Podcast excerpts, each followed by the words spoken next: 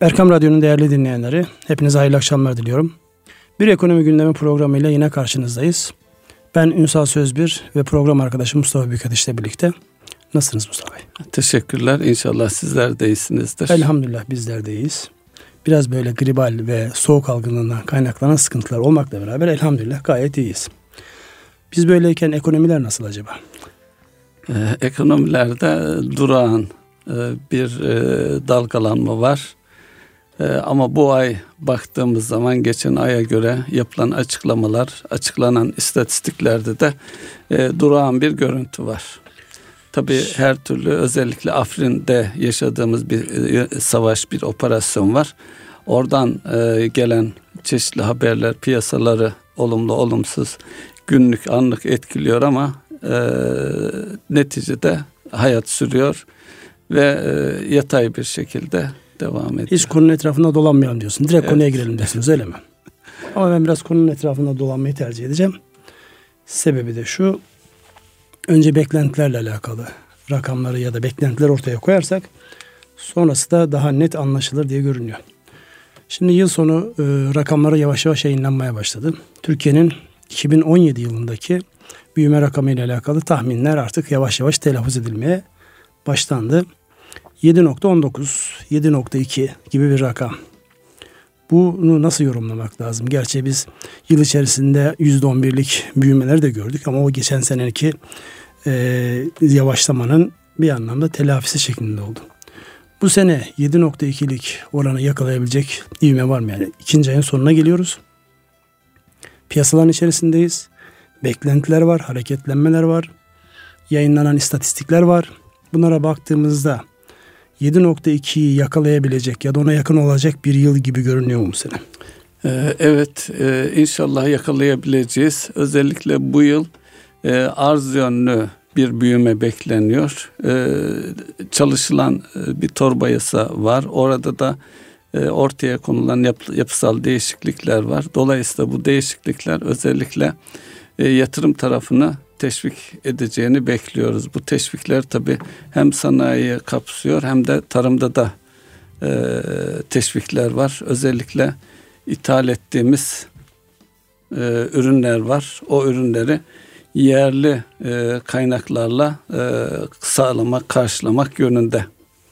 Pekala bu e, büyüme noktasında sektörel anlamda baktığımızda bir ivmelenme var mı? Yoksa bu ivmelenmeyi aşağı getirecek hususlar var mı? Malum sektörel güven endeksi yayınlandı geçtiğimiz hafta içerisinde. Oraya baktığımızda yani belli sektörlerin yani oradaki temel alanlarına baktığımızda e, hizmet sektörü var.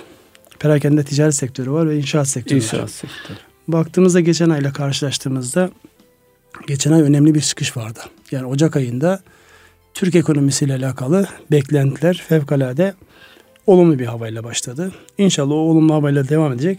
Fakat istatistik anlamına baktığımızda bir ufak kırılma var. Özellikle inşaat sektörüyle alakalı daha belirgin olmak kaydıyla tamamında bir kırılma var. Nedir o kırılma? Hizmet sektöründe 102 olan rakam endeks yüze gerilemiş vaziyette.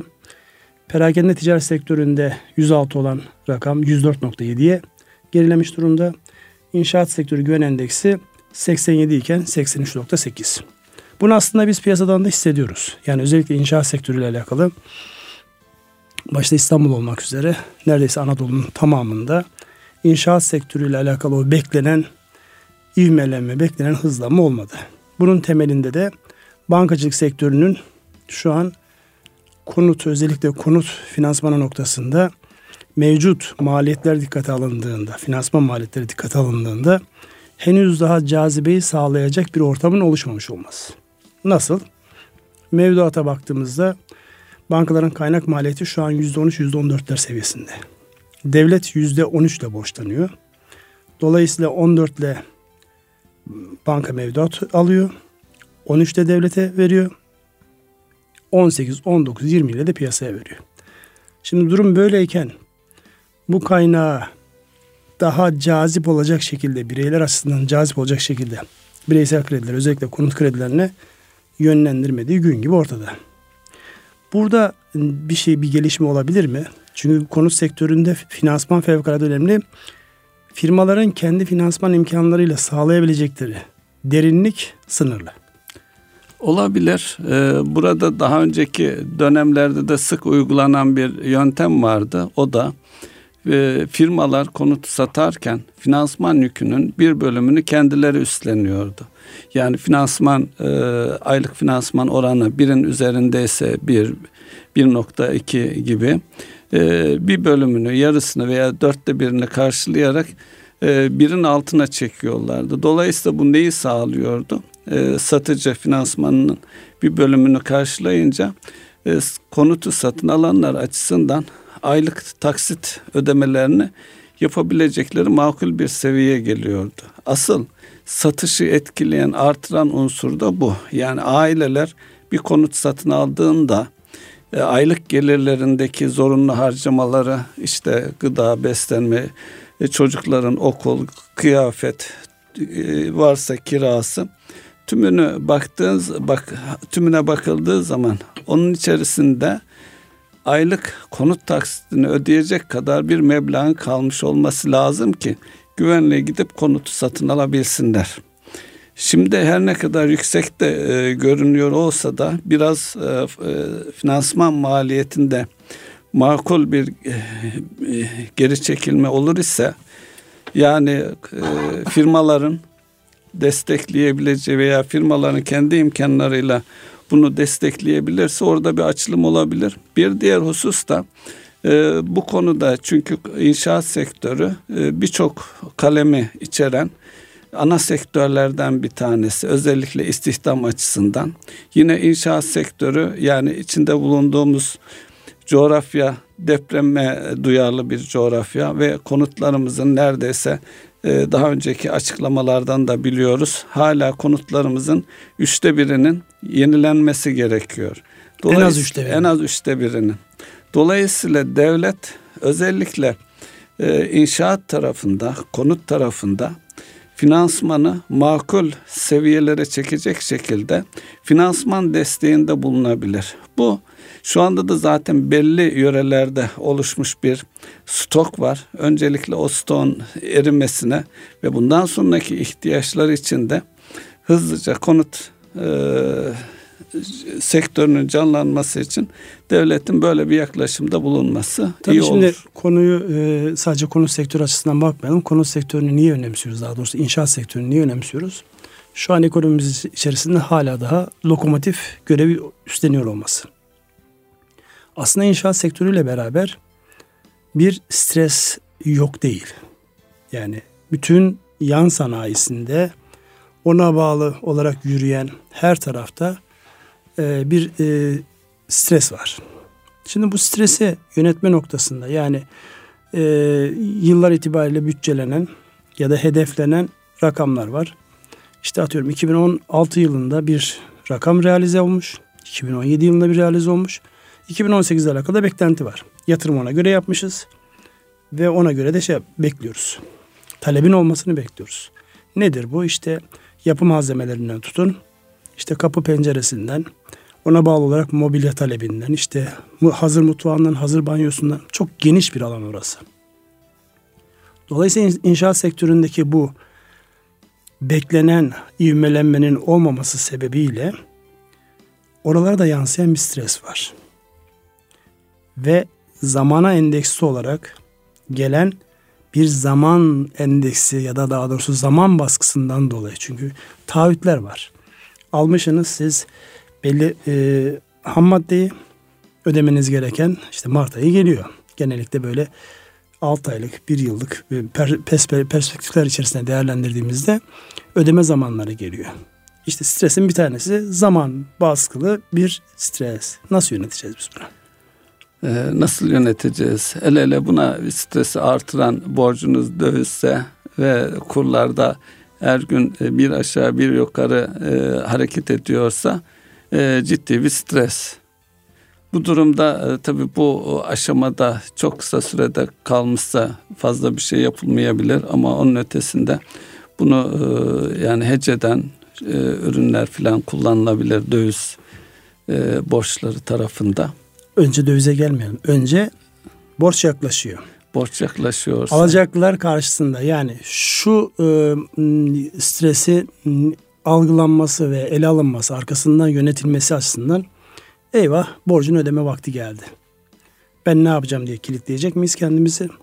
Yoksa bunun içerisinden çıkarabilecek formüller var mı? Mesela sizin karşılaştığınızda özellikle bu yani kendi elinde olan sebeplerden değil, dış faktörlerden dolayı ki genelde biliyorsunuz bir olumsuzluk varsa hiç kimse kendine mal etmez. Hep dış faktörlere mal eder. Burada gerçekten dış faktörlerden kaynaklanan olumsuzluğun olduğunu düşünelim. Burada belirlenmesi gereken strateji önce ne olmalı? Yani eyvah işler kötüye gidiyor diye işinmemize mi kapanacağız? Yoksa bunun içerisinden nasıl çıkacağız diye kendi kendimize, önce kendimize, sonra paydaşlarımıza yani bu ilişki içerisinde bulunduğumuz tedarikçimize tedarikçi, müşteri ise müşteri, kimse artık bunlarla açık iletişime mi geçeceğiz? Ya buradaki gidilmesi gereken yol hangisi? Bir taraftan işte bankalar var, öbür taraftan işte piyasada tedarikçiler var. Dönen de bir çark var yani bu arada. Yani buradaki o dönen çarkın daha sağlıklı yürüyebilmesi için sizin rutinin dışında ekstra bir baskı hissetmiyor olmanız lazım. Hissediyorsanız da bunu yansıtmıyor olmanız icap eder. Burada daha öncelerde konuştuğumuz bir kavram vardı sürdürülebilirlik. Piyasa zaten kendi içerisinde bir takım tedbirlerini alıyor. Konut inşaat sektöründen konuştuk. Şimdi inşaat inşaat yapılmak zorunda. Bir e, firmanız var, çalışanlarınız var, borcunuz var, harcınız var. Bir taraftan nakit yönetimi, ödemeleri düzenlerken alacağınızı almaya çalışıyorsunuz. Bir taraftan da satmaya çalışıyorsunuz. Eğer bekleyip e, frene basıp sadece alacağınıza odaklarsanız e, ay sonu geliyor maaş dağıtacaksınız. Bir taraftan da işin sürmesi e, baskısı var. Bir baskı da işin sürekli devam ediyor olması. O zaman ne oluyor? E, barter dediğimiz sistemler devreye giriyor. İşte alacağı olan bir daire alıyor. O bir başkasını e, devrediyor. Dolayısıyla piyasa bankalardaki e, bankalardan istenen seviyede kredi desteği gelmediği durumlarda piyasa kendi mekanizmalarını oluşturuyor. Senet, çek, bunun yanı sıra işte açık hesap barter sistemi e, çarklar dönmeye devam ediyor. Tabi bu stresi de artırıyor. Herhangi bir e, firmanın tökezlemesi durumunda çevresindeki bulunduğu ekosistemde kimler varsa onların hepsini etkileyecek. E, tedarikçisini de müşterisini de etkileyecek. Peki orada ben e, merak ettiğim hadise şu. Hatırlarsanız bankacı arkadaşlarla konuştuğumuzda şöyle bir şeyden bahsediyorlardı. Aralık ve Ocak ayında doğru düz firma ziyareti yapmadık. Evet. Çünkü beklentilerle alakalı. Şimdi zaman stresinin ötesinde bir de beklenti stresi dediğimiz bir başlık var. Beklentiler anlamında zihinler çok net değildi. Çünkü Türkiye'nin özellikle son dönemdeki çevreyle olan yani yakın ve uzak çevreyle olan ilişkilerinde bir belirsizliğin olduğu düşüncesi ya da Türkiye'nin e, yani geçmiş hafızadaki bilgilerden dolayı işte o süper, ultra süper güçler tarafından hoşlarına gitmeyen hareketlerden dolayı bir şekilde köşeye sıkıştırılacağı gibi bir düşünceyle açıkçası bankaların yani kendi itirafları olduğu için söylüyorum. Çok böyle müşteri ziyareti yapmadık. Sadece mecbur kaldığımız yerlerde. Şubat ayı başından itibaren bu kendi ifadeleri olduğu için rahat rahat söyleyebilirim. Artık müşterileri ziyaret etmeye başladık. Projeleri görüşmeye başladık. Yani ellerindeki işleri öğrenmeye başladık. Çünkü yeni dönem bizim de üzerimizde bir baskı. Yani aralık zaten geçen sene karlar gayet iyi bankacılık sektöründe. Onu da vermiş olduğu bir rahatlıkla. Ocak ayını da şu belirsizlik sis bir dağılsın düşüncesiyle daha rahat ve rehavetle geçtik. Ama öbür taraftan Şubat'la itibaren e, daha bir rahat piyasaya çıkıyoruz, daha bir rahat konuşuyoruz. Fakat bu arada duyduğumuz yine başka şeyler var. Bazı bankaların sektörel anlamda aşırı seçici davranmaya, yani belli alanlara kesinlikle girmeme noktasında kendi çalışanlarına yönelttikleri hususlar var. Şimdi bu sizin bilmediğiniz bir belirsizlik ya da beklentiniz desteği alacağınız yönünde fakat karşınızdaki sizi finanse edecek yapının bir stratejik karar alıp sizin içinde bulunduğunuz sektörü desteklememek gibi bir karar almışsa bunun getireceği beklentilerin karşılanmama stresi söz konusu. Ya da diğer bir stres başlığı olan yeni durumun ortaya çıkardığı durumsal stresi değerlendirdiğimizde. Şimdi bunların hepsi peş peşe gelen hususlar. Bunları değerlendirdiğimizde önümüzdeki dönemde yani bir de çalışanlarımız var. Ben biraz işletmelerin iç iletişimiyle alakalı. Bu ister devlet yönetin, ister bir işletme yönetin. İletişimi böyle zamanları da yani beklentilerin yüksek, gerçekleşmelerin nispeten gecikmeli olduğu dönemlerde iletişimin nasıl yürütülmesi gerektiği noktasındaki fikirlerinizi merak ediyorum. E, bilinmeyen insanı korkutur. Dolayısıyla e, herkes e, firmalar açısından bakınca hem iç iletişimde hem dış iletişimde sizden tedarikçinizin bir endişesi varsa kendi içinizi açıklıkla gösterebilirseniz, oturup konuşabilirseniz o zaman e, muhatabınız sizden emin oluyor. O zaman daha rahat, daha e, bir ihtiyacınız olan malı, vaadi. Önce çalışanlardan bir başlasak yani çünkü hep böyle bir girişimci olarak hep bir tedarikçileri ikna etmek gibi bir şey var. Önce çalışanlardan çünkü netice itibariyle sizi temsil eden insanlar var dışarıda. Çok doğru bir söz söylediniz. Şunu da söylemek lazım. İçerideki kişiler birbirleri ve şirketleri için ikna olmadılarsa, emin değillerse dışarıdaki tedarikçiyle, bankacıyla Mümkün nasıl dik durur konuşur? Doğru haklısınız. Önce içerideki iletişime, açık iletişime e, geçmek lazım. E, açık iletişim nasıl olacak? Şirketin e, kendi içerisinde bir kere e, fonksiyonlara baktığımız zaman gerçi şirket yönetimine, organizasyonuna falan giriyoruz e, bu şekilde. Tabii girelim ekonominin bir parçası yani. Evet. Ekonomi dediğin yani şirketlerden, bireylerden, e, oyunculardan oluşan bir yapı. Yani uzayda bir e, şekil değil. Şirketin kendi fonksiyonları içerisinde muhasebesi, finansı, e, lojistik yönetimi bunlar kendileri içerisinde zamanla ayrı e, beylikler haline gelmiş birbiriyle iletişim kopukluğu olabilir. Bunu aşmak için e, kendi işlerinde daha açık, daha bir araya gelen, birbirlerinin yaptığı işleri farkında olan, bilen ve bir başkasına destek olacak şekilde yani e, Japonların bir atasözünden söz ediliyor. E, hepimiz birimizden daha akıllıyız diye. Dolayısıyla ortak aklı oluşturacak şekilde bir sinerjiyle açık bir iletişim sağlandığında şirketlerin şirketin içerisinde bunun içerisinde patron şirketin sahiplerinde kapsayacak şekilde insanlar kendi e, bunu bildikleri zaman kendi sorumluluklarıyla ilgili kendi konularıyla ilgili daha fazla sorumluluk hissedecekler. Dışarıdan biriyle görüştüklerinde bu aileleri de dahil olmak üzere müşterileri, bankacılar, tedarikçiler e, çok daha şeffaf ve güven veren bir iletişim sağlamış olurlar.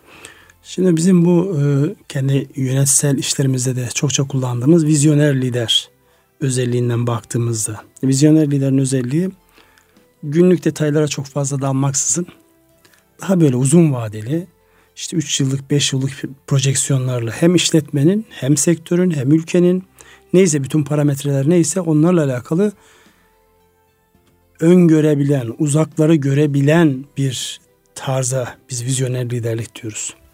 Şimdi bu görünen bir şey miydi? Aslında görünen bir şeydi. Yani baktığımızda şu anki yani yaşanan hadiseler çünkü 2008-2009'dan sonra hızla piyasalara enjekte edilen paralar onlarla işte önce kısa vadeli işte borsalar coştu. Arkasından e, işte kısa vadeli para ve sermaye piyasalarında ciddi tepkilenmeler oldu. Sonra reel sektöre yansıdı. Bunun bir gün biteceği belliydi yani.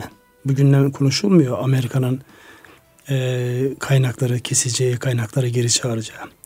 Ama bütün bunlara rağmen hala içeride bir kaynak var. Yani şu an kaynak üretme noktasında dünyanın bir problemi yok.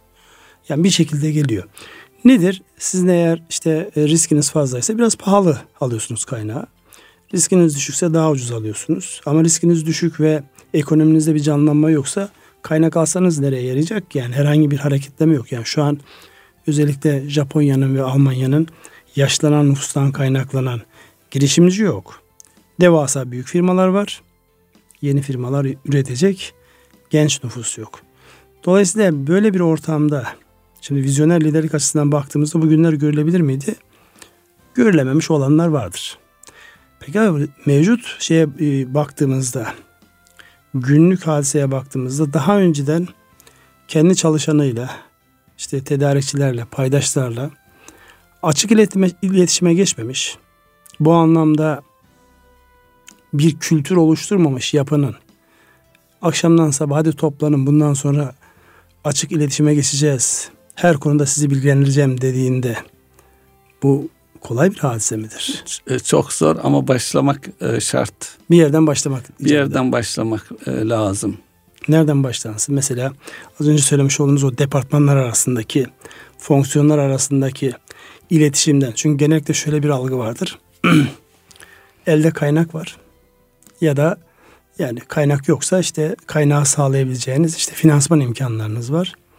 Mesela satın almacılar e, finansçılara ya da muhasebedekilere baskı, baskı yaparlar sürekli. Ya işte ödemelerimiz var niye bize destek olmuyorsunuz?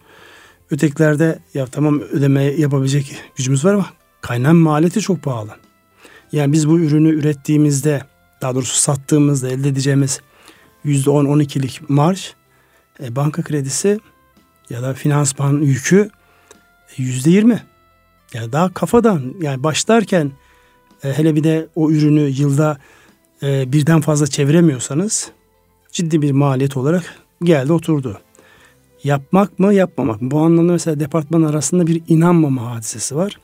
Gene burada liderliğe düşüyor. Yani bu departmanların hepsini kontrol eden işte o anda çıkan o durumsal liderliği ön plana çıkaracak mevcut durumu değerlendirip departmanları birbirleriyle konuşturabilecek ve birbirinin yükünü alabilecek bir yapı. Ama oradaki temel espri de şu. Siz doğru anlatamazsanız, sesinizi titretirseniz, olayı başka bir yani panik vaziyetinde anlatırsanız insanların normalde akıllarına gelmeyecek bir paniklemeye sebep olursunuz. Bunları nasıl yönetecek? Yani insanlar burada o üzerlerindeki baskıyı, stresi, nasıl yönetecekler? Birbirlerini anlayacaklar. Anlamak için de ilk önce konuşmaya başlayacaklar. Hatta biz departmanlar arası diye başladık. Halbuki departman içi diye de bakmamız lazım. Yani bir yönetici kendi e, altında çalışan, birlikte çalıştığı arkadaşlarla iletişimine de bakmak lazım. O iletişimi de açık hale getirmek. Onların gelişimine, e, kapasitesine, onların durumları neyse tecrübeleri, yetkinlikleri, güçlü yanları, geliştirilmesi gereken yanları bunların hepsini görüp ondan beklediği işleri bir yakın yapabilecek donanıma, kaynağı, bilgiye ihtiyacı var mı yok mu onu anlamak. Ondan sonra da onlardan e, sonuç beklemek. Onlardan elde edeceği şeyi beklemek ve karşılıklı olarak birbirlerini anlamak. Bu sağlandıktan sonra diğer birimlerle e, ilişkiler de daha kolay yürüyecektir. Zaten e, daha önceki profesyonel hayattan da siz de e, yaşamışsınızdır, biliyorsunuzdur. E, birimler, birim yöneticileri arasındaki çatışmalarda özellikle o birimdeki alt kademedeki insanların karşılıklı birbirlerinin çatışması e, patronlarını, müdürlerini hırslandırarak daha büyük şeylere, e, çatışmalara götürür. Bu da açık iletişim sağlanabilirse de burada en baştaki liderlik e, belirleyici. Oradan başlıyor olması lazım. Lider yaklaşımı itibariyle alt kademelere kadar bu açık iletişimin faydasını hissettirebilirse ki e, bundan yine kendisi ve şirketi karlı çıkacaktır. Yine birimler arasındaki e, sorunlar ortaya çıkarsa bunları da e, sorun odaklı değil çözüm odaklı bir yaklaşım tercih edilirse bu da çok önemli. Yani e, bardağın yarısı dolu yarısı boş. Boş diye yaklaşırsanız problem odaklanırsınız. O zaman hesap sormaya kalkarsınız. Hesap sorduğunuz bir aşamada herkes bir bahane üretir siperlerine çekilir. Adım atmaktan imtina eder ama dolu tarafa bakılırsa ve e, boş olan kısmı da nasıl dolduracağız e, diye odaklanılırsa özellikle sihirli bir kelime var. nasıl kelimesi nasıl diye yaklaşıldığı zaman nasıl bir açık iletişime geçeceğiz? Nasıl birimler arasındaki işbirliğini, birlikteliği güçlendireceğiz? Nasıl sorusuyla e, istenen noktaya hızlıca gelinebilir diye düşünüyorum. Bilmiyorum siz tecrübeleriniz ışığında e, daha e, can alıcı e, neler söylersiniz? Şimdi söylediklerinize ilave olarak şu gündeme geliyor. Yani yine böyle arizi dönemlerin, beklenmeyen dönemlerin yönetiminde bir kere grubun içerisindeki liderlik görevini kimin üstleneceği fevkalade belirleyici oluyor. Yani burada ille de en tepedekinin liderlik yapması değil. O ortamın oluşturduğu. Çünkü bazı dönemlerde insanların vereceği tepkiler aynı ol- olmayabiliyor. Ya şu an uluslararası çok ciddi fırsatlar var. İşletmelerin açılabilecekleri çok ciddi yeni alanlar var.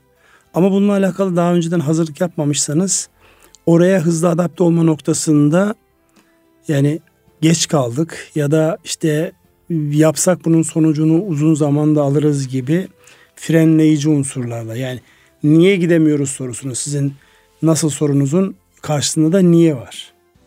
Niyeyi sorduğunuzda o hep geriye yönelik. Yani niye yapamadık, niye gitmemeliyiz? Hep mevcuttaki bizi tutan ya geçmişteki ya mevcuttaki bahanelere sarılmış olacağız.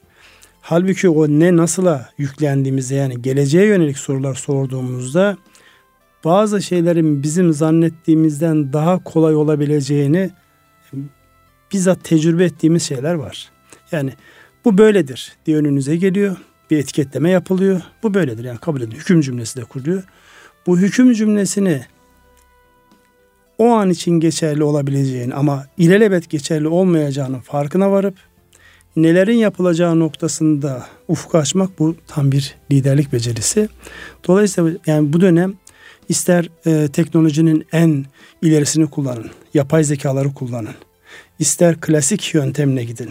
O karizmatik liderlerin işte sözünden ağzından böyle hikmetli sözlerin söylendiği ve söylediği zaman onun herkesin emir telak ettiği liderlik dönemi değil. Ne derseniz deyin döneme uygun olarak çözümler üretecek ve geleceğe yönelik çözümler üretecek cümleler kuracak bir liderlik dönemine girilmiş vaziyette. Her zaman öyledir. Bu dönem biraz daha fazla.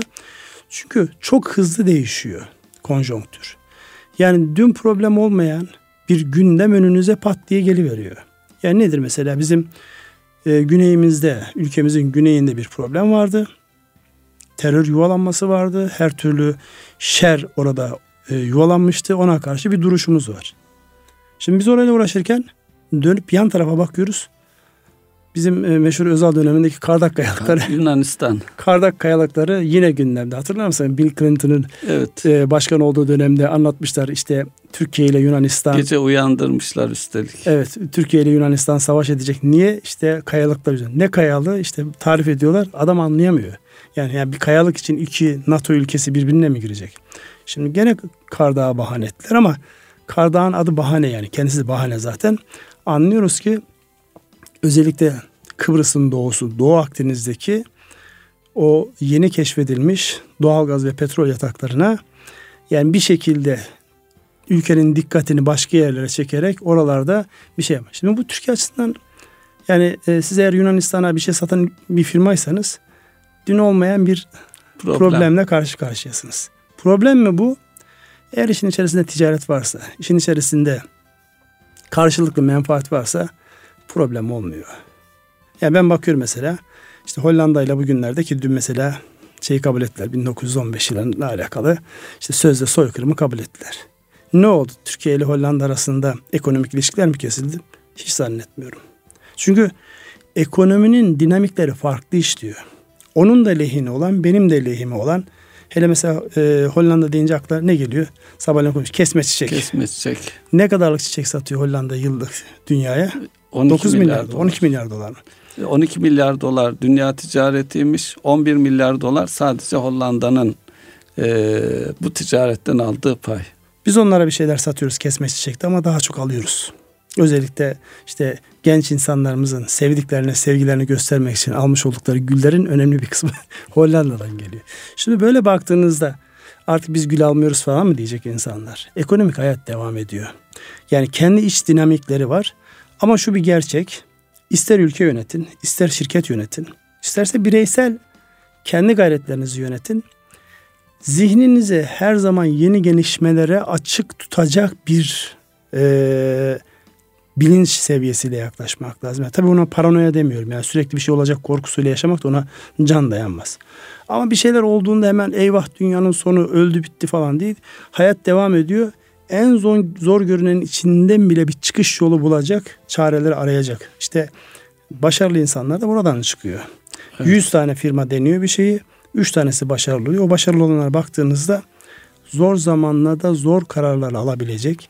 Yani kendisini aşağı çeken bahanelere değil ben bundan nasıl çıkarım sorusunun cevabını bulan firmalarda görüyorsunuz. Herhalde önümüzdeki dönemde yoğun bir şekilde bunu yaşayacağımız bir dönem olacak. Bu arada Moody's zehir zemberek gene gelişmekte olan ülkelerle alakalı açıklama yapmış. Biz de sağ olsunlar cari açık noktasında gelişmekte olan o ülkelerin İçinde en tepesine sınıfta en tepesine yerleştirmiş. Ne anlama geliyor bu? Moody's'de bizim e, alıp vereceğimiz yok yani. Zaten bizi e, karnenin dışına atmışlar. Yatırım yapılabilirden çıkarmışlar. Bu değerlendirmeyi yapınca Moody's ne yapalım oturup ağlayalım. Hayır. Şimdi Moody's'in e, işlerinden bir tanesi de bunların müşterileri var. E, gelişmekte olan ülkeler, gelişmiş ülkeler, firma bazında da çalışmalar var. Dolayısıyla dönemsel olarak bu e, raporları hazırlayıp müşterilerine sunmak zorundalar. Ticari meta bu yani. E, tabii bir e, iş yani bu işten para kazanıyorlar. E, bugünkü şeyde de e, içinde bulunduğumuz e, şeye bakınca sıralamaya rakamlara evet cari açığımız en yüksek e, ülke o sınıf içerisinde. Geçen haftalarda da bunu konuştuk. E, dünyanın sonu mu? E, Türkiye kendi ihtiyaçlarını finanse edebilir durumda mı? Onu konuştuk. Yapısal e, değişiklikler gerekiyor, ihtiyaç. Onun üzerinde de çalışılıyor mu? Evet ee, yani hayat sürecek. Yine bugün S&P'nin bir açıklaması bekleniyor. Dolayısıyla e, piyasaları olumlu ya da olumsuz herhangi bir şekilde bir beklentiye sokmadı. Dolayısıyla da şu anki durumumuz e, sürdürülüyor. E, ve kimsenin de bu bugünkü açıklama sanıyorum yapıldı veya yapılacak bilmiyorum. E, durağan bir e, devam eden bir süreçteyiz. Ya şimdi bu raporlar evet tam dediğiniz gibi yani biz e, o ülkenin yatırım yapılabilir ülke olsak da olmasak da biz istesek de istemesek de bizimle alakalı raporlar düzenliyorlar. Evet. Adamların işleri bu. Bunları yaparken önemli olan o raporların alıcılarının bunu nasıl aldığı. Yani bir orada evet cari açığın en yüksek olduğu ülkeyiz. Ama büyüme potansiyeli olan en yüksek olan ülkelerden de bir tanesiyiz. Yani baktığımızda mesela o raporlarda en dikkat çeken unsurlardan bir tanesi yıllardır ambargo uygulanan Rusya'nın borçlanma anlamında borç bölüğü gayri safi yurt içi hasıla oranında en düşük en ülkelerden düşük. bir tanesi oldu. Şimdi siz istediğiniz kadar ambargo uygulayın. Bu ülkeyi sadece geçmiş alışkanlıkları da var. Üretme ve geliştirme kabiliyeti olan da bir ülke. Sadece yetenek sahibi yapıyorsunuz. Ambargo uyguladınız. Al işte Rusya döndü tarım ve hayvancılığı eski o kolhoz solhoz mantığıyla bir girdi. Şu an Türkiye'den ne beyaz et alıyor Domates. ne kırmızı et alıyor evet. ne sebze alıyor. Adam kendi kendine yeter hale geldi. Yani ne oldu? Dünya bir fatura çıkarmaya kalktı. Siz o ülkeye bir yetenek geliştirdiniz. Tam da söylediğimiz yer burası. Yani birilerinin size ölüme mahkum ettiği ya da yanlışa mahkum ettiği yer aslında sizin döndüğünüz yer olabilir. Yeter ki orada psikolojinizi sıfırlamayın. Yeter ki sahip olduğunuz yetenekleri nasıl kullanacağınız noktasında içinizdeki o aklı selimi eğer bireyseniz topluluksa da içinizdeki aklı selimleri destekleyecek bir zemin hazırlayın ve onun üzerinde yürüyün. Çok net ambargo ile ne yapmaya çalıştılar? Rusya'yı köşeye sıkıştıracaklardı. Yani bizim de o anlamda tepki koyduğumuz işte Kırım'la alakalı olan hadisede ve diğer şeylerle geri adım atması noktasında geri adım atmadı. Başka yerde ne yaptı? İşte Batı'nın özellikle Amerika'nın hareket alanı diye konumlandırdığı bütün alanda her gittiği yerde karşısına Soğuk Savaş döneminden kalma uyuyan devi gördü. Ambargolar demek ki ya da zorluklar ya da sıkıntılar demek ki her zaman olumsuz sonuç doğurmuyor. Ülkeler adına yeni yeni açılımlara sebep oluyor. Bir Kıbrıs deneyimimiz var. Ya da bundan birkaç sene öncesinde e, Avrupa ile ters düştüğümüzde hatırlarsanız sınıra getirilip konulan o Patriot füzeleri vardı. Evet. Aldı götürdüler onları. Alsın götürsünler. Karşılığında ne oldu? Türkiye yıllardır ötelediği ya da bir şekilde milli bir duruş sergileyemediği için işte üretecek insanların işte otel odalarında katledildiği, suikastlara kurban gittiği bir ülkeden değerlerine sahip çıkan ve kendi ihtiyacını karşılama yolunda ciddi adımlar atan. Henüz daha ideal seviyede değiliz, ideal kıvamda değiliz. Ama o yolda sağlam adımlarla gideceğimizin çok derin, belirgin göstergeleri var. Nasıl oldu bu? İşte yaşadığımız bir musibetten oldu. Musibete hiçbir zaman iyi ki oldu denmez. Ama kişinin kendisine gelmesi, kişinin kendisini tanıması, ülkenin, organizasyonun kendini tanıması için başına gelen olumsuzlukları nasıl sorusunu sorarak, ne sorusunu sorarak pozitife çevirme şansı gibi bir büyük fırsat var. Ben dizin yapmış olduğu bu değerlendirmeleri de evet doğru, cari açık, bölü, gayri safi evet. yurt içi hasıla gelişmekte olan ülkelerin en fazlası biz olabiliriz. Ama en büyük potansiyel taşıyan ülkelerden bir tanesiyiz. Borç gayri safi yurt içi hasıla oranına baktığımızda öyle korkacak, abartılacak herhangi bir şey yok. Yani şu an baktığımızda kamu borçlarının hala %28'ler, %30'lar seviyesinde. Şimdi bunlar yönetilebilir hadise. Hala Türkiye cazip. Yani biz piyasada şunun sıkıntısını yaşamadık. Kaynak yok sıkıntısını yaşamadık. Kaynak sadece biraz pahalı hale geldi. İnşallah önümüzdeki dönemde alınacak bu yapısal kararlar, köklü çözümler üretecek yapısal değişikliklerle beraber bu yük de büyük ölçüde azaltılacak gibi görünüyor. Ümit varız. İnşallah bu bu şekilde devam edecek. Evet burada değerlendirmelerimize baktığımızda başka ekonomiyle alakalı neler söyleyebiliriz? Özellikle e, bu tarım tarafında yapılabilecek şeyler var. Yani buradaki sıkıntı biraz herhalde üst seviyeye gelmeye başladı. Yani tarımla alakalı önümüzdeki dönemde e, sizce kısa vadede sonuç alınabilecek şeyler çıkar mı? Ee, çıkacağını düşünüyorum. Bir de sessiz sedasız e, arazi, tarım arazi, arazilerinin toplulaştırılması sürüyor. Yani e, Konya'da duyuyoruz, başka yerlerde de, başka illerde de mesafe kat edilmiş. Enteresan olan daha önce e, toplumunda değiştiğini gösteriyor. Mesela benim çocukluk yıllarımda e, tam tersine e, eşitlik e, adına işte sosyal şey adına e, arsalı arazilerin bölündüğü bir süreçteydi. Devlet de küçük küçük e, kendi hazine arazilerini ailelere e, tahsis ediyordu, satıyordu. Hatta bundan pay alabilmek için e, gençler çok küçük yaşta evlendirilip 18 yaş sınırını ancak bu şekilde aşıyordu. O günlerden bugünlere geldik. E, ve şimdi insanlar bunu e, bir avantaj olarak görüyor. Yani ben köyümde şu kadar arazim var gidip gelemiyorum toplulaştırılıyor. Tamam yapılsın amcam, kardeşim en azından onun işine yarayacak bir şey değer ortaya çıksın. Bir farkındalık oluşmuş. Bu e, en büyük sorunlardan bir tanesi hukuki olarak bu insanları nasıl uzlaştıracağız noktasından buraya geldi. Tabi tarım e, derken buna artık bilgi çağındayız. Daha fazla bilgiyle üretiliyor olacak bu. Hem tarımın mekanikleşmesi, e, ne bileyim tarım e, ekili dikili alanlar, tohumculuk bunların hepsi üst üste tarımı daha iyileştirecek bir hale geliyor. Hatta geçen bir sigorta açısından da enteresan bir şeye rastladım. E, biliyorsunuz şu anda e, bir kuraklık riski altındayız. Kuraklıkla ilgili yeni bir poliçe, parametrik iklim poliçesi diye sigortacılar bir ürün çıkartıp bunu pazarlamaya başlamışlar. Sonuç aldılar, almadılar bilmiyorum. Yani bir ekim alanınız var. Yeri belirliyorsunuz. İşte şuradaki bölgeye e, şu mevsimde şu kadar milimetre yağış e, bekliyorum.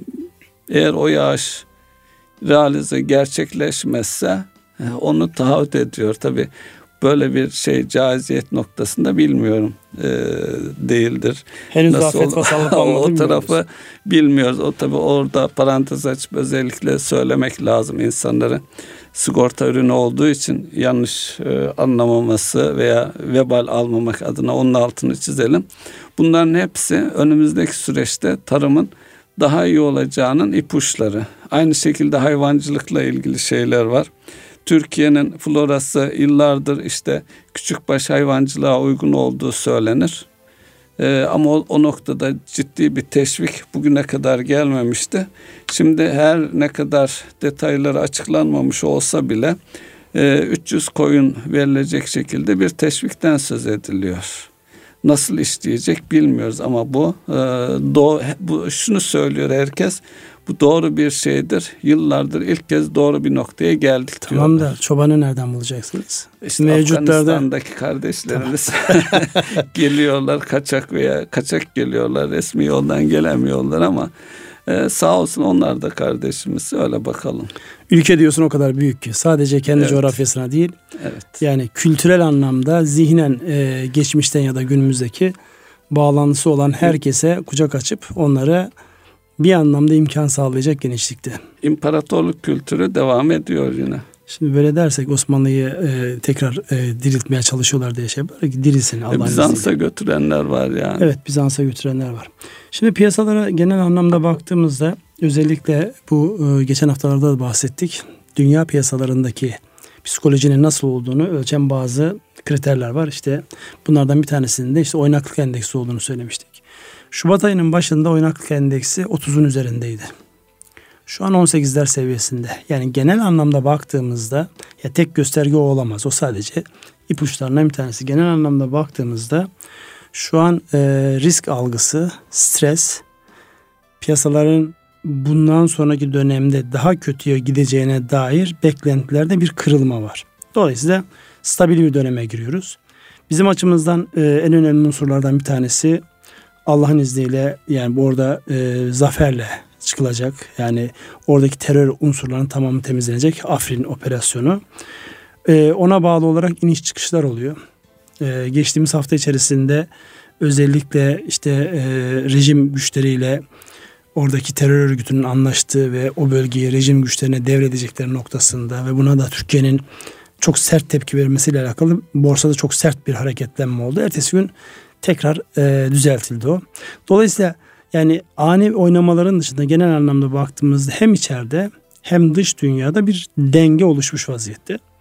Burada e, yine geçtiğimiz haftalarda Euro'nun dolar karşısındaki performansı fevkalade iddialıydı. Orada bir gerileme var. Tekrar 1.22'lere geriledi parite. Petrol konusunda e, burada inanılmaz bir dengesizlik var. Biraz yukarıya gidiyor. Amerika üretimi başlıyor, aşağıya geliyor. Orası da 65, 66, 67 dolarlar seviyesinde kilitlendi. Bizim için niye önemli? Bize önemli e, petrol ithal eden ülkelerden bir tanesiyiz. Alıyoruz ciddi bedeller ödüyoruz. Dolayısıyla çok yukarı gitmesini arzulamayız. Ama bir taraftan da mal sattığımız ülkelerde en azından bir kısmı petrol üreten ülkeler. Yani onları öldürmeyecek, bizi de öldürmeyecek. İki tarafın da denge unsuru. Hani bu bugün hep stresten bahsettik ya. Yani evet. stresin sıfır olanı da makbul değil biraz olacak ki şöyle kendimizi diri hissedelim. Enerji, biraz adrenalin yüklenelim. Ondan sonra beyin hareketlensin, vücut hareketlensin. Fazlası olduğunda kilitleniyoruz. Petrol fiyatlarının bu seviyelerde olması en azından bizim bütçelerimiz açısından, yapılan bütçeler açısından çok büyük bir problem olarak görülmüyor. Burada genel anlamda ben şunu söyleyeceğim. Özellikle yani bizzat yöneticisi olduğumuz ya da insanlarla yani yoğun bir şekilde işletme, bir taraftan da çalışanlarla temas halindeyiz. Yani insanların mutlu olabilmesi için neye ihtiyacı var? İş hayatında mutlu olacaklar, özel hayatında mutlu olacaklar. Ülkenin iyi şeyler yaptığını, geleceğiyle alakalı iyi şeyler olduğuna dair. Ya burada bir formülü var mı? Hani şu demiş ya mutluluğun resmini çizebilir misin Abidin der gibi. Ben de e, size sorayım. mutluluğun resmi çizilebilir mi? Buradaki bizim e, yani ne olursa olsun sonu hayır olur. Yani pozitif psikoloji pozitif hissiyat herhalde en önemli belirleyici unsurlardan bir tanesi olacak. Biz yaptığımız zaman çok böyle afilli isimler olmuyor da Batılılar yaptığı zaman hele bunu Amerikalılar falan yapmışsa işin içerisinde çok ciddi şov tarafı da var. İşte Amerika'da bir enstitünün kurucusu Martin Seligman diye bir adam var. Onun kurmuş olduğu enstitünün e, ortaya koyduğu bir mutluluk formülü var. Baktığınızda bizim e, kadim ve hala var olan kültürümüzde var olan şeyleri onlar daha böyle afil ifade ettikleri için e, sanki onlar icat etmiş gibi gözüküyor. Bir tanesi pozitif hissiyat. Pozitif hissiyat. Bizim kendi duygu dünyamızda bunun karşılığı nedir?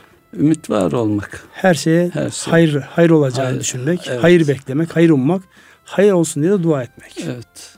İkincisi neye inanıyorsanız onunla bir aranızda bir tutku, bir bağlı, bağlantı kurmak. Şimdi biz bu ülkemizi bütün kalbimizle inanıyoruz. Bütün kalbimizle bağlıyız. Geçmişine bağlıyız, bugününe bağlıyız. Gelecekle alakalı fevkalade ümit varız. Etti mi iki? İki. Üçüncüsü ilişkiler. Şu bir gerçek. Belki İngilizlerden öğrendik ama bizim kendi tarihimizde de var. Böyle e, inşallah kendi toplumumuzun içerisindeki herkesle dostuz, kardeşiz, dost olalım. Ama uluslararası ilişkilere baktığında sürekli dost, sürekli düşman diye bir kavram yok. Yani son dönemde ya bizim biraz böyle duygusal şeylerle çok çabuk yön değişti ama bir gerçeklik oluştu. Uçak düştüğünde Ruslarla olan ilişkimiz, evet. şu anki ilişkimiz, Yunanistan'la biraz iki biz gittik onlar geldi ama orada sat, satır aralarına sıkıştırılmış şeylere bakınca yani ne sürekli düşman var ne sürekli dost var. Duruma göre değişen ilişkiler var ve nihayetinde İngilizler kendileri için söylemişler ama bu bizim için de geçerli. Bu toprakların, bu ülkenin, Türkiye'nin, Türk insanının, İslam'ın, İslam ümmetinin ve buraya gönül bağlamış coğrafyaların menfaatini koruyan ilişkiler. Üçüncü şıkta bu. Yani bunun e, sürekli gündeme. Sonra yaptıklarımızın asıl amacımızla uyum içerisinde olması. Yani anlam katmak dedikleri şey. Yani hani kısa vadede insanın yaşama gerekçesi kısa vadede mutluluk, uzun vadede hayatına anlam katmak ya. Anlam katmak. Bizim bugünkü yaptıklarımızın uzun vadedeki anlamla örtüşmesini sağlayacak. Yani nedir? Yani e, şeye koyduğumuzda musalla taşına konduğunda nasıl bilirdiniz sorusunun evet, cevabıdır. Nasıl bilirdiniz? Nasıl? Onun cevabı adam gibi adamdı. Müslümandı. Sözüne sadıktı. Dürüsttü. Yani bir bütün içe eğer bugünkü yaptıklarımız onunla uyum içerisindeyse ki bizim her günümüz işte iki günü bir e, eşit olan ziyandadır mantığının tam oturduğu yer burası. Hayatımıza anlam katacak her hareketi orada değerlendirmek. Son olarak da başarı. Orada da söyleyeceğimiz şey biz gayretten mükellefiz. Başarıyı Rabbim lütfedecektir. Takdir Allah'tan. Sebepler doğru işlenirse Allah'ın izniyle sonuç doğru gelir.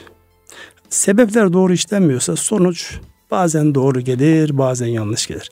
Dolayısıyla işte mutluluğun Amerikalı Enstitü'de, Psikoloji Enstitüsü'nde yapılan şeyi biz kendi günlük hayatımıza uyguladık.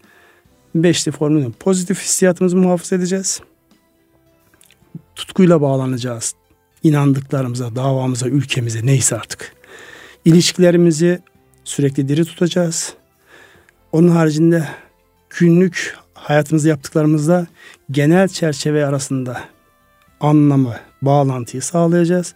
Sonra da gayretlerimizin sonucunda Allah'tan başarı isteyeceğiz. Olur mu? Olur. Çünkü bunu yapan insanımız hem geçmişte olmuş hem bugün ne var hem gelecekte var. Ve bunun gerçekten o pozitif psikolojinin yansımalarını her yerde görüyoruz. Küçücük bir işletme, küçücük bir aile firması bakıyorsunuz akla ziyan işler yapıyor. Dünyanın dört bir yanına işler yapan yazılımı yani sadece olay klasik geleneksel üretimden bahsetmiyoruz. Yani yapay zeka ise yapay zeka ile alakalı bir şeyler. Robotsa robotunu yapıyor işte. Al bugün e, bir firma e, evet onu söylemek bir lazım. Bir firma yani insansız e, tank ya da e, kara aracı, kara aracı yaptı teslim etti. İki şey yapmış oluyor. Bir bunu yapabildiğini gösteriyor. İkincisi de yani inandığın zaman neler yapabileceğin noktasında kendi yeteneklerimize güvenmekle alakalı bir mesaj veriyor herhalde. Ne demek istersiniz? Ee, ekonomik açıdan da söylemek lazım. Borsadaki hisseleri bu çalışmasından ötürü e, ciddi miktarda yukarı doğru gidiyor. Daha önceki programlarda da özellikle savunma sanayinden bahsetmiştik. Yeni bir şey yapmak, yenilik, yenilikçi bir şeyler bulmak e, şirketlere akla e, hayal ettiklerinin ötesine taşıyabilir. Evet. E, tabii bu e, şey açısından da önemli. Afrin'e yaklaşıldıkça Hendek savaşları, Hendek e, şeyleri akla geliyor, operasyonları. Dolayısıyla böyle bir e, şeyin olması, e, silahlı, insansız kara aracının olması e, düşmanlarımızı korkutuyordur. E, askerde çocuğu olan ailelerimizde demek ki artık çocuklarımız değil oradaki yaptığımız robotlar bu işi halledecek diye e, mutmain bir e, ruh haline bürüneceklerdir ya inşallah. Allah'ın insan içerisine vermiş olduğu bir şeydir. Zorda çözüm üretmek. Ama bu bizim genlerimizde daha fazla var. Biraz biz e, anı yaşadığımız için, böyle günübirlik yaşadığımız için zoru çok hissetmeyince belki bazen çözüm üretmekten e, imtina ediyoruz. İnşallah bunlar bir vesiledir. Hem böyle uzun soluklu yani 5 yıllık, 10 yıllık, 50 yıllık planlar onları hayata geçirecek insanların, nesillerin yetişmesi ve bu arada elde edilen kazanımları daha ileriye götürebilecek bir zihin. Ekonomik anlamda evet streslerimiz var. Gerginliklerimiz var. Ama bunları çözecek zihni yapı eğer biz kendi kendimizi kilitlemezsek, niyeti bozup var olmamızı tehlikeye atacak adımlar atmayıp da çözüme odaklanırsak e, Rabbim her çözümü de beraberinde getirecektir diye düşünüyorum. Evet programın yavaş yavaş sonuna geliyoruz. E, kapatmadan önce bir şey söylemek ister misiniz? E, Afrin'deki şehitlerimiz için e, başsağlığı dileyelim. Allah e, kabirlerini cennet eylesin. Oradaki askerlerimize güç, kuvvet, e, cesaret versin diyelim.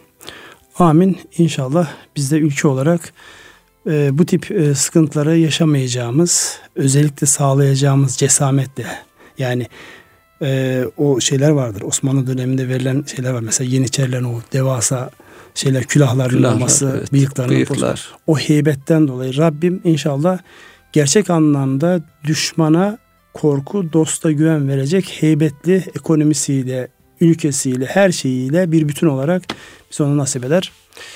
Erkam Radyo'nun değerli dinleyenleri bir ekonomi gündemi programının daha sonuna geldik. Biraz ekonomi dışına çıktık ama artık affola, sürçülisan eylediysek. Hepinize hayırlı akşamlar diliyorum. Hayırlı akşamlar.